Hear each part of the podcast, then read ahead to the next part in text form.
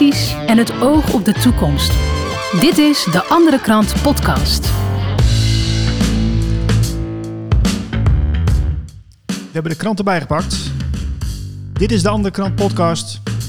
En eh, we gaan weer de voorbeschouwing doen op de krant die eh, zaterdag uitkomt. En deze week heb ik eh, journalist Twan Rongen in de show. Twan, welkom. Hallo.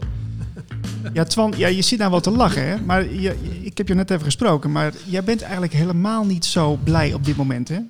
Nou, het is vandaag eh, vrijdag, hè? Black Friday. Nou, dat vind ik, vind ik een waanzinnig idioot iets. Dat is één, maar goed, eh, er is nu een, eh, een virus, weer een mutatievirus uit Zuid-Afrika, die komt op ons af. Vanavond hebben we de persconferentie. Nou, waarschijnlijk worden we weer gedwongen in een, in een, in een winterslaap eh, gestopt. Nou, ik vind het. eh, ik, vind, ik, ik, ben ontzettend blij dat ik voor de andere krant kan werken, omdat ik dan een, soort van uitlaatklep heb. Om, om een soort ventielfunctie is dat voor mij. Want ik, ik kijk, ik, ik ben een, eh, een energiek, vitaal mens. Ik ben kerngezond. Mhm. Ik werk daar echt. eh, ik, ik train drie keer per week. Eh, ik doe aan kickboksen zonder. eh, ik heb helemaal niks met kickboksen zelf, maar met, de- met de training. Ja. En ik ben een, een, een, marathonloper geweest. Ik doe heel veel nou ja, aan tai chi, noem maar op. Ik, ik, ik geloof echt, ik ben een man van...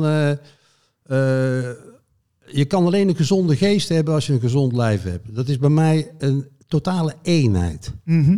En als je dan in een wereld verzeild raakt, wat, wat, wat, met, een, met allemaal, met een, met een regering die, een- nou, een regering, een, een wereldmacht inmiddels, een wereldregering die de hele wereld gewoon eh, eh, aan een soort wurgpaal eh, zet, Ja. met alsmaar meer KUT-maatregeltjes om een virus te bestrijden. Terwijl ik ervan overtuigd ben dat als mensen gewoon dag in, dag uit bezig zijn met het boosten van hun immuniteitssysteem, ja, dat dan dit virus helemaal niks hoeft voor te stellen. Nee. En als ik dan zie dat mensen obesitas hebben, dat dat als een soort nationale ramp ook wordt verteld als een van de grote oorzaken van deze pandemie, dan snap ik niet dat er eh, eh, reclame, eh, dat, de hele, dat er miljarden gestoken zouden moeten worden in het, in het fit maken van, van de wereldbevolking. Nou, dat kan door voeding, en, maar allemaal geïnspireerd op vrijwilligheid. Ja. Werken aan je gezondheid, aan je vitaliteit is geen plicht. Het is, een, het is gewoon hartstikke leuk. Ja. Het is een avontuur. Maar fijn dat jij hier nou bent. Ja, maar ik wil even je- bijzeggen dat ik vroeger dus echt eh, ja, eh, maandenlang in een ziekenhuis heb gelegen met nierontsteking, longontsteking. Dus ik, ik ben niet een. eh, ik, maar ik, ik heb wel gewoon geleerd dat als je dat je, je lichaam. dat je dat kan aansterken op een hele leuke manier. Ik vind sport vind ik geweldig. Ja. Maar ook eh, tai chi, yoga, we kunnen zoveel doen. Nou, Ja, je bent heel energiek, dat, dat is te zien. En heel goed, maar weet je, dat is, dat is het leuke van, dat je daar ook weer, eh, toch door, doordat je met de andere krant bezig bent, dat je daar dus weer energie uit haalt en dat je dat goed doet. En daarom zitten we hier ook om eventjes de krant eh, te bespreken, die eh, morgen uitkomt. Want eh, je hebt twee artikelen aangeleverd. Eh, eentje over Bluetooth, en dat is een nieuwe organisatie voor politieagenten. En eh, ook eentje over Israël, waar we het ook even over gaan hebben zometeen. Eh dat is wel meer een serieus verhaal, meer, meer dieper verhaal. Eh, maar eerst wat over Bluetooth, want het is wel een, een dingetje. Ehm, wereldwijd zijn er politieagenten in gewetensnood. En ja, vanwege de vrijheidsbeperkende maatregelen die we wel inmiddels, wel- inmiddels wel kennen. Ehm, speciaal voor politieagenten die worstelen met het uitvoeren van taken waar ze niet achter staan. Hè? Ja. Ehm, kun, kun jij ons vertellen wat, wat Bluetooth nou precies doet? Nou, het zijn e- even plat gezegd, zeg maar, het zijn, het zijn wappie-politieagenten. Ah, oké. Eh, het zijn dus, het zijn dus eh, agenten die dus, eh, eh, zoals het de, de overgrote meerderheid van onze redactie, eh, he- nogal kritiek hebben op wat er nu allemaal aan de hand is. Oké, dus je werkt dan in zo'n organisatie. Er werken 60.000 mensen, geloof ik, uit mijn hoofd. Het kan er ook 65.000 zijn. Maar goed, het is een enorme organisatie. En eh, nou, dat is natuurlijk een afspiegeling van de maatschappij. En daar zitten natuurlijk politieagenten tussen die dat ook helemaal niet meer zien zitten. Nee. Maar zij zijn wel eh, in, ja, in dienst van de overheid. En zij zijn. eh, ja, zij moeten dus handhaven. eh, ze zitten in een cultuur dat ze dat ook moeten doen. Want je hebt wel een bepaalde juridische. Ja, juridische. Je kan. Ja, juridische dat, uitvalswegen om je daaraan te onttrekken. Maar het is natuurlijk heel vervelend als je, ja, als je, als je, als je met een politieagent in de auto zit en eh, je, moet de avondklok handhaven. En je ziet iemand op straat lopen en die moet je dan gaan eh, boeteren of je moet je achtervolgen. Of, Ja. Nou ja, goed. Maar zijn zij een soort klankbord dan voor, voor dat soort politieagenten? Dus eh Blue Truth is een, bestaat inmiddels uit ongeveer 100, 200 agenten. En die ontmoeten elkaar eh, een beetje anoniem. Voorbeeld, ik eh, sprak dus de woordvoerder en de oprichter van Blue Truth. En hij zou een politieagent meenemen bij dat interview. Aha. En nou, die zei, pal voor dat interview zei ze af. Dus ik Oh. heb alleen eh, met eh, Francisco eh, Valk gesproken. Dus nou, dat geeft aan dat het dus, ja, dat, Ligt heel gevoelig. het, het ligt uitermate gevoelig natuurlijk. En politieagenten, ja, dat zijn natuurlijk niet allemaal mensen die gewoon demonstranten in elkaar meppen of de demonstraties in goede banen moeten zien te leiden en controleren dat ze de anderhalve meter worden, wordt gehandhaafd. Nou, daar zitten dus gewoon ook agenten tussen die gewoon zeggen, ja, dit, dit, dit kunnen wij gewoon niet meer. Ze lezen ook kranten, eh, nou ja, Ja. En nu, nu gaan dus veel geruchten de ronde hè, over de inzet van eh buitenland sprekende als demonstranten vermomde agenten. Ja, nou dat, even, dat- dat- dat sorry, zijn dus maar dat als je nou zegt over eh, eh, mijn moed en mijn stemming, Ja. nou daar werd ik dus echt een beetje angstig van. Want ik, we hebben daar beeld van, het is in Brussel opgenomen, een paar weken geleden, bij een demonstratie. Ik zal het even vertellen. Dan. Je hebt sowieso het fenomeen van de Romeo's. Dat is dus een politie-eenheid. Mhm. Die zijn vermomd als demonstranten. En die, als er dan een, een rel ontstaat, Mhm. Dan pikken zij de grootste raddraaiers eruit. Dat is op zich, Op zich goed, op zich dat eh zou je zeggen. Hè? Maar wij krijgen steeds meer signalen, en ook de man van Blue Truth, dat eh, ze bewust de boel aan het opstoken zijn. Oké, dat is één. Dat zijn we het over een, de Nederlandse Romeo's. Maar je hebt inmiddels een groepering van politie, een internationale Eurogent Force. En dat zijn, ik, ja, ik, ik heb het opgeschreven, hoeveel mensen, Ja, ja, ja. hoeveel duizenden agenten eh, uit, alle, uit, uit Spanje, Polen, eh, België, Duitsland. En dat zijn dus internationale politiemachten. En die, die, die duiken dan ook op bij Romeo, als worden- Romeo, in demonstraties. Maar die En worden dus overal ingezet. eh, ja, nou, we proberen daar natuurlijk het, het, het, het neusje van het, het naadje van de kousen. Maar er is een filmpje op internet, maar dat- geluid zegt al genoeg. Dat is dus een, een, een- Belgische journalist. En eh, dat filmpje is te zien op, eh, op internet. Maar het geluid is dus leuk, want hij loopt dus naar een, een aantal agenten toe. Die dus verkleed zijn als demonstranten. En die blijken uit, uit ja, ik, ik, ik- Hongarije, Polen. Maar Ah, Oké, we gaan er even naar Ja, luisteren. Oké. Hier aan. Daar zijn ze. De mannen in het zwart. Die komen hier aan. Ruzie stoken. J'ai une question. Non, mais non, c'est... Good. C'est good.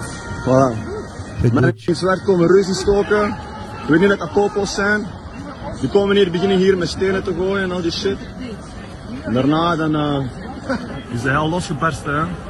En dan begint, het, begint al de rest met stenen te gooien. De ruïne te stoken. En dan gaan trekken zij zich terug en dan is, eh, is, de dingen losgeketend. Hè? Dankjewel. Ja, en dan zie je dus dat hij inderdaad eh, weggaat. Maar het is, is wel een duidelijk voorbeeld hè, van hoe dat daar aan toe gaat. Nou ben ik niet bij die demonstratie geweest, dus ik kan het ook niet echt zeggen of dit nou. Maar de, de politie, ik heb de politie gevraagd hoe dat nou precies zit. Ze, ze, ze erkennen het bestaan van de Romeo's. Ze erkennen het bestaan van Eurogentforce. Maar ze zeggen, ze ontkennen dat ze dus actief zijn geweest bij de demonstraties. En zeker natuurlijk dat ze de boel aan het opstoken zijn. Goed, dus, maar het is een beetje een continuing story. Eh, maar Blue Truth, die maakt zich daar, ja, die heeft daar, een- heeft daar ernstig bezwaar tegen natuurlijk. Dat er hier buitenlanders, buitenlandse eh, politie-militaire eh, groeperingen hier dus aanwezig zijn. En die, die hebben ook een bepaalde immuniteit. Ik bedoel, ze worden be- beschermd. Eh, Ja, dus wat, is maar- daar, wat, is, wat, wat is daar de, de, de, de, Maar e- even Twan, de hè, doel erachter? Ja, maar even Twan, de- kijk, we zijn, het zijn dus andere politiemannen dan eh, gewoon een doorsnee diender dus. Ja. Hè? Dus het, het, zijn, het zijn wat meerdere, meer eh heldhaftige types Ja. die gewoon echt zeggen van nou, we gaan erop klappen. Ja, ja, ja zo, zo ogen zij ook. Want er staat bij dat filmpje, dan kan je ook zien dat ze... Ze hebben, ze hebben maskers op, eh, van die mondmaskers die echt heel, heel, heel hoog zitten en laag zitten. Dus het zijn echt eh, vermommingen. En ze, er zijn ook foto's met eh, dat ze pistolen bij zich dragen, eh walkie-talkies. En ze zien er ook wat anders uit dan de doorsnee demonstranten. Ze zien er zeg maar uit als een soort politie-Rambo. Dat is ook trouwens wel even interessant om mede te delen. Dat, dat er in Amerika eh, en in andere Anglo-Saxische landen. dat daar politiemensen worden aangenomen. En dan. ehm, ja, David Icke, dat is een samenzweringsdeskundige. die heeft daar een prachtige podcast over. Dat, dat, er, dat er mensen worden uitgepikt die, die, die, die, die agressief zijn, die psychopathische eh, gedragsstoornissen vertonen. Ik, heb dan, ik, heb dan, ik heb daar geen smoking gun bewijs van, maar, Ja, maar het is wel heel interessant om dat verder uit te zoeken. Want die zouden dan ges- meer geschikt zijn om dat soort dingen uit te voeren, inderdaad. Eh, ge- Geen geweten. Gewetensloos, eh, als jij gewoon gewetens... Er zijn ook filmpjes van, van Nederlandse Romeo's, onder andere in Den Haag.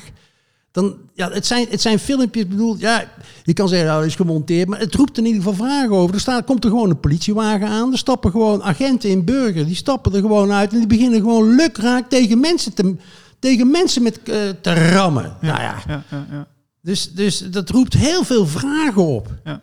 Ik heb ook even jouw artikel gelezen. Eh, morgen kunnen de mensen dat zelf lezen. Maar ik was even benieuwd eh, over de, de solidariteit eh, tussen politieagenten onderling. Hè? Ja, Want, want ik, eh, ja, ik, er stond ook een voorbeeld in van de, brandweer, de, de brandweerafdeling, zeg maar, dat die wel eh, nou ja, voor elkaar door het vuur gaat en zegt van nou oké, dan als, als het twee niet kunnen, dan doen wij het ook niet. Ja, dat was een brandweer, een brandweerafdeling ergens in het land.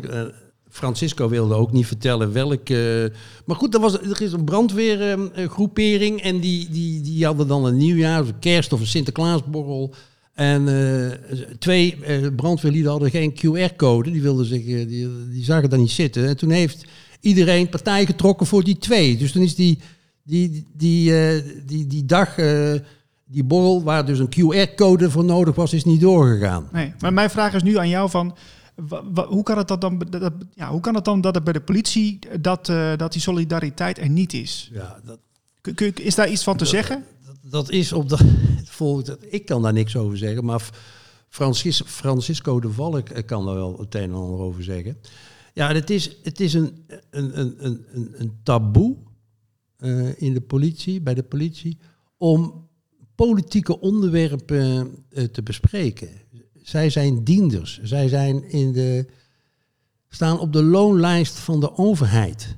Dus eh, als jij dan als diender gewoon continu die overheid een beetje zit, eh, zit te bekritiseren, ja, dan dat, dat is natuurlijk niet eh, echt gezellig voor de solidariteit. Ik ken wel politieagenten die inmiddels gepensioneerd zijn, waaronder een hele gerenommeerde rechercheur. En die is eh, ook enorm tegen die maatregelen. En eh, hij kent ook agenten die daar heel veel mee, mee, worstelen. Eh, ja, het is, en dat, probeerde, dat probeert Blue Truth te doen. die probeert het, het taboe weg te halen. En die probeert bruggen te bouwen om het gewoon het gesprek aan te gaan. En eh, de politie erkent ook het bestaan van Blue Truth. Oh, dat is belangrijk. Maar ze erkennen hun niet. Het is een organisatie die in de kinderschoenen staat. Eh, ze hebben 100 tot 200 nou ja, leden. Maar wanneer, je betaalt geen contributie. Bedoel, ze, ze- dus het, is een, eh, een, het staat nog allemaal in de kinderschoenen. Maar ik vind het wel eh, buitengewoon boeiend om het te blijven volgen. Ik lees mijn eigen krant. De andere krant.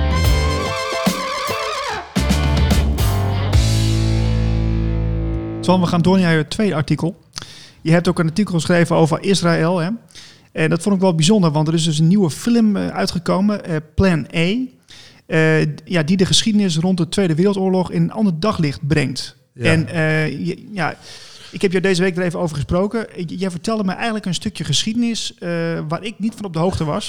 zeg Ja. heel eerlijk, hè? Ja, ja. Eh, en ik denk dat heel veel mensen die hier naar luisteren ook denken van, nou ja, dat, dat, dat is voor mij nieuw. Maar dus, dus pal na de oorlog was er dus een Joodse groepering die opstond om 6 miljoen Duitsers te vermoorden. ja. Eh, vertel eens even, hoe zit dat? Nou goed, iedereen kent natuurlijk de holocaust. 6 miljoen Joden vermoord. Eh, Nou ja, goed. Eh, zwarter dan zwarter kan het niet. Hè? Eh, in de na het einde van de Tweede Wereldoorlog, in 1945, toen waren enkele eh, groepering Joodse jongens en, en, en vrouwen die wilde Hakam plegen, wraak. En ehm, die smeden toen een plan, plan E, eh, om, eh, ja, om ze, oog om oog, tand om tand, 6 miljoen Joden, 6 miljoen Duitsers. Zo. En die hadden dus het plan gemaakt en hebben ze eh, om de waterleidingen van grote Duitse steden te vergiftigen met een, met, een, met een dodelijk serum.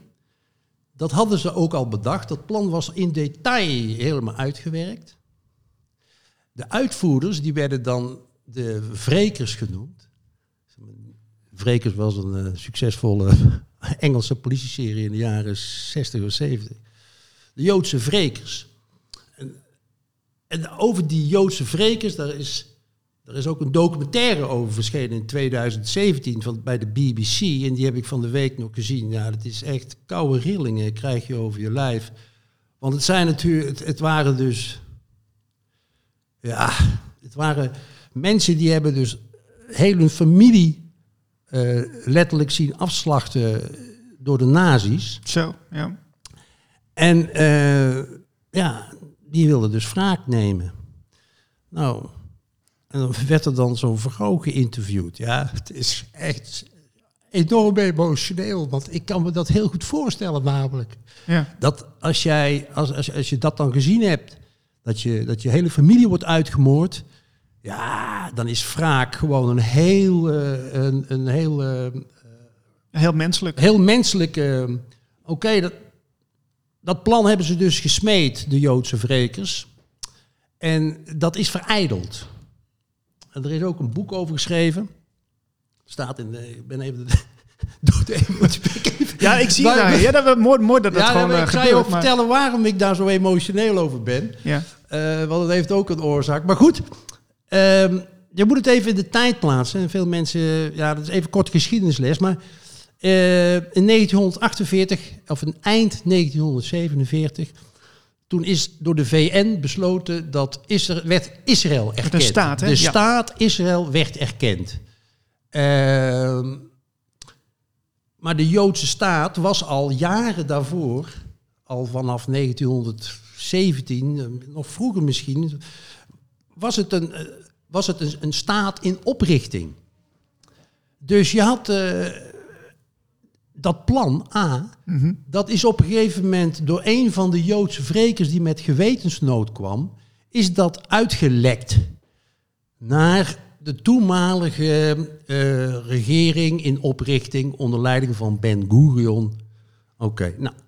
En toen hebben ze dat plan hebben ze kunnen verijdelen.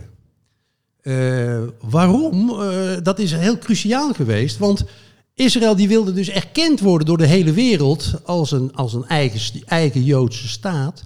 En als ze verantwoordelijk zouden zijn geweest dat er eh, eh, 6 miljoen Jo- eh, Duitsers Ja, eh oog om oog, tand om tand eh, uitgemoord zouden zijn. Nou, dan zou de wereld natuurlijk een Nou ja, enorm obstakel geweest zijn om de Joodse staat te erkennen. Ja, maar dat doet natuurlijk ook wat met het beeld hè, wat we van, van de Joodse gemeenschap hebben. Hè? Want heel veel mensen, en waaronder ik zelf eigenlijk ook, eh, zi- zien, veel, zien de Joodse gemeenschap als een soort van ja. eh, eh, daar heb je toch een zo'n mededogen aan. Hè? Dat is toch iets waar je.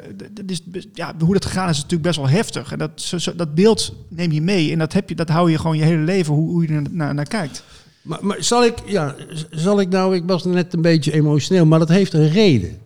Eh, ik ben zelf eh, niet Joods, ik, eh, ik heb helemaal niks met religie, ik ben katholiek opgevoed. Ja. Maar ik was als, als, als jonge verslaggever, ik zat op de school van de journalistiek. En ik was enorm gefascineerd door het leven in een kibbutz. Ik ben eigenlijk een linkse jongen, socialistisch. en, en, en, en, en, en, en een kibbutz was een soort socialistisch-communistische gemeenschap. Eh, en daar kon je gaan werken en, en dat heb ik gedaan. En ik, dat was in, in, eh, ik, ik vond dat een geweldige tijd. Hè? Dus, Oké, dus in die, in die kibbutz eh, leerde ik allemaal mensen kennen. En ik, ik was leerlingjournalist en later freelance journalist. Dus ik ben alles bij elkaar, ben ik wel een jaar of anderhalf heb ik daar eh, in Israël gezworven. Ik heb ook nog Yitzhak Rabin, die, de minister-president die later is vermoord. En ik heb, ik heb verschillende eh, regeringsleiders ook mogen interviewen. Maar eigenlijk de leukste gesprekken vonden plaats gewoon op straat. ja, dat geloof ik. Eh, want het Israël is een, voor journalistieke begrippen echt een beloofde land vol met, vol met melk en honing. Want el- iedereen heeft daar een verhaal. Ja, dat geloof ik. Ja, ja, ja. Ook de Palestijnen. Hè, want ik ben, eh, heb, probeer altijd nog, ik heb nog altijd de hoop dat het één, één vredevol, lievend volk kan zijn. Zowel Joods als Palestijns. Goed, nou ja. Ja, ja. Enfin, ik was dus een hele. Ik, ik zat daar, eh, net als jij, Niels. Wij zijn open mensen. Dus je zit daar op het terrasje of in de bus. Of, eh, en dan, en dan eh, hoorden mensen. En dan zat ik met een, met een Israëli, een vriend, vriendin te praten. En dan hadden we het over Holland en Holland dit. En, en er werd wel eens verstaan als Poland. Ah, En dan, ik vergeet het dus, dus echt nooit meer. Ik zit op, in een bus en er komt een, terwijl de bus rijdt, komt er een vrouw naar me toe, die een eentje verderop zat. En die bleek dus, eh, die hoorde dus dat ik uit Poland kwam. En toen noemde ze Oświęcim. Dat is het Pools voor Auschwitz. En zij had daar dus gezeten. zo. En zij vertelde dat ze Jozef Mengele heeft ontmoet. En ze begon daar tegen mij huilend verhalen te vertellen wat ze allemaal had mee had gemaakt. En als bewijs liet ze, eh, liet ze nog eventjes het haar getatoeëerde nummer op de onderarm zien. En ik stond daar een beetje als een beetje halve therapeut. eh, had een beetje, want het was de bus, zat ik een beetje te rommelen, dus ik hield haar nog een beetje vast. En uiteindelijk heb ik er ook weer begeleid terug. Maar goed, die hele bus die was sprakeloos. Waarom vertelde een Israëlische holocaust survivor dit tegen een eh, spontane j- toerist? Ja, je, bent, je bent een voorbijganger. Dus, Ik ben een passant, ik ben een, non-Jew, eh, een to- toerist. En eh, waarom niet tegen hun? Nou, en dat heeft de oorzaak dat holocaust survivors in Israël, die staan helemaal niet op een voetstuk. Eh, het zijn, eh, ze worden gezien zelfs als een stelletje schapen die zich eh, zo naar de kampen hebben laten slepen zonder verzet te plegen. ongelooflijk. hè? Zonder als, als makke schapen. Ja, ja. En dat is in, in, in zo'n staat wat in oprichting is en de een na de andere oorlog eh, en voor wat, wat het verleden eigenlijk probeert te vergeten en alleen maar in het heden en de toekomst leven, zijn de holocaust survivors met al die verhalen, daar hebben ze eigenlijk helemaal niks aan. Ja. Dus, Maar je hebt, je hebt ook deskundige Hans Knoop eh, geraadpleegd. ja, want hè? Hans Knoop die heeft mij geattendeerd.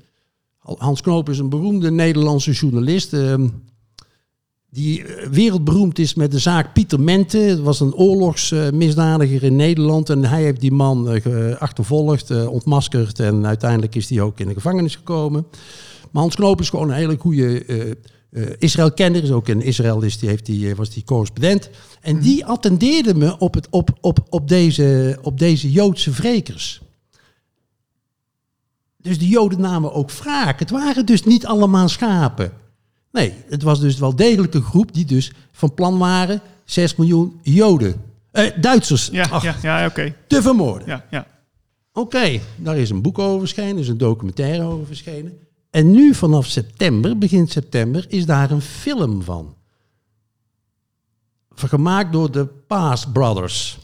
Dat zijn Israëli's. Mhm. En eh, Sylvia Hoeks, onze Nederlandse kwaliteitsactrice, die speelt daar een rol in. En ook een, een, een, een, acteur, een Duitse acteur, die een eh, legendarische nazi eh, neerzette bij de, in de film van eh Inglorious Bastards van Tarantino. Echt een topacteur. Nu, nu begreep ik, Tan, nu begreep ik voor jou dat die film, die, Ja. die zou dus in september moeten draaien in de bioscopen. En wordt zelfs ook op Netflix aangekondigd. Maar hij draait dus nog steeds niet. Nee, ik probeer, dus die film. Nou ja, ik kan hem niet te pakken krijgen. En eh, dus ik heb allemaal zitten bellen. Ik zei, wanneer kan ik die film nou eens zien? En er wordt heel mistig over gedaan. Maar je gaat denken van, die, die film die vertelt iets wat we niet zouden mogen weten. Of dat misschien ja, is het dat, is voer voor complot. eh, eh, Ja, eh, ja, nou ja, goed. Maar kijk, weet je, ik heb eh, jaren Dan- geleden... Maar wacht, wacht. Ik heb, Ja? jaren geleden heb ik Constant Hogenbos eh, geïnterviewd. Filmdeskundige, ook historicus eh, volgens mij. En die vertelde mij eh, in vertrouwen dat eh, eh, filmscripts liggen vaak al jaren klaar. En films worden altijd eh, op het juiste moment gebracht. Worden altijd getimed. Ja, ja, ja. Dus, dus, dus dat dit nu niet gebracht wordt, vind ik wel opmerkelijk. Ja. Nou, Dus ik ben dat gaan onderzoeken. Dus ik, ik ken de filmproducent Sanfu Manta. Die heeft in Nederland de, de duurste film ooit geproduceerd. Zwart Boek, Oorlogswinter. En die heeft het, heb ik gevraagd, hoe komt het nou dat deze film nog niet uit is? Ik zei, is die film misschien niet goed? Hij zei, ja, ik heb het script gelezen. Want hij is filmmaker en hij heeft ooit een- dat script gelezen om, om met, met verzoek of hij dat, eh, of die daar geld in wilde steken Ah, om totaal andere redenen heeft hij daarvan afgezien. Maar hij, hij, hij vond het script erg, heel erg goed. Eh, dus dat zou. Dat, het, dat, dat kan. Het kan gewoon een hele slechte film zijn. In het, uiteindelijk heb ik ook een recensie ergens kunnen opduiken van The Guardian. En daar wordt de film een beetje inderdaad neergezet als een beetje cliché. Er wordt redelijk in geacteerd. Maar nou, wordt gewoon een beetje gedownplayed. Nou, vervolgens ga je dus kijken, want die is er dus wel. Er is een treatment van 2,5 minuut. Hij is onvoorstelbaar goed. maar stel je nou, stel je nou voor, Twan. Hè, Dus eh, ik kan hem nergens vinden. Als u mensen... Nee, maar stel, en waar- stel je, die, die film die komt uit in september. Hè, en we, hebben gewoon, we kunnen gewoon zien dus dat het verhaal alsnog verteld wordt. Hè, wat, wat, wat voor mij ook nieuw is. Wat, wat zou dat dan uitmaken?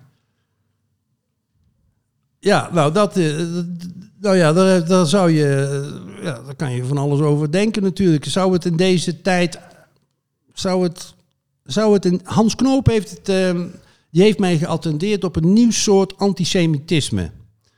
En dat is zeg maar het COVID-19 antisemitisme. Hebben we toch weer COVID-19 erbij gehaald? Toch weer, Inderdaad. Dus dat er, dat er dus, eh, dat er, dat er, de, eh, dat er dus eh, mensen beweren en denken dat, dat, dat de Joden COVID hebben bedacht. En dat de Joden ook het vaccin hebben bedacht. En dat voldoet dus helemaal aan, de, aan het stereotype van de Jood. Dat hij alles uit, uit winstbejag eh, doet. Nou, gek genoeg heb je natuurlijk wel wat eh, in die hele Big Reset eh, wereld. Heb je natuurlijk. Brian Epstein is niet alleen, een, is niet alleen Joods, maar is ook was of een groot Israël-aanhanger. Hmm. George Soros. Nou ja, goed, oké. Nou ja, dat zijn toch grote namen? Ja, het zijn grote namen, maar dan, maar dan kan je moeilijk dus weer een heel volk. eh, Ja, nee. nee. Het is geen, het is geen ja. bewijs. Het is nee, geen het is bewijs. geen bewijs, maar het zou dus kunnen dat, op deze, dat, dat mensen dan toch het beeld krijgen van: kijk, de Joden zijn, waren helemaal geen schaap. Nee, het waren juist massamoordenaars. Ze wilden 6 miljoen eh, Duitsers eh, Dat zou kunnen. Ja, maar hoeveel, hoeveel, hoeveel, man, Ja, nee, maar, waarom? Waarom, nou, wa- het, het waarom is gewoon, het is gewoon een hele slechte film. Maar dat heb ik net proberen te debunken. Want het, het lijkt mij een, een hele goede film. Met hele goede actrices. De treatment is... eh, maar ik kan er niks over vinden. Hoe duur is die film? Eh, door welke Nederlandse eh, di- distributeur wordt die straks uitgegeven, is nog onbekend. Hij, hij- maar de grap is ook, ook in Israël heeft hij wel gedraaid, heb ik begrepen, in Haifa. Maar ook daar wordt de film gedownplayed. Als, er wordt zelfs beweerd dat, hij, dat het een leugen is. Dat, dat dit voorval, dat dit Oh, plan A niet heeft bestaan. Wauw. Tenminste, dat heb ik van Israëlische vrienden gehoord. Maar ook in, Israël, in de, in de Haaretz en in de Jeruzalem Post heb ik zitten kijken of er een recensie is. Geen recensie over die film. Nou, nou zou je ook nog iets anders kunnen bedenken. Hè, waarom? Je hebt ook nog een, een, een, een- je had namelijk ook nog een plan A, plan B en plan C. En ik geloof ook nog een plan Dalet, plan D. En dat gaat dan over de verdrijving van de Palestijnen. Hmm. Dus als je de film nu plan A, dat zou het licht kunnen. Maar goed, het is een, het is een mysterie. het, is speculeren. het is een mysterie waarom die film er niet is.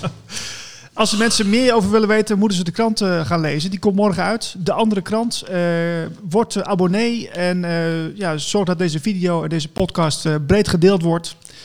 Op onze Twitter, op onze LinkedIn. We zitten ook op Instagram. En doe even een duimpje, dat vinden we hartstikke leuk. Dankjewel voor het luisteren. Wil jij ook de andere krant bij jou thuis? Bestel hem dan op deanderekrant.nl.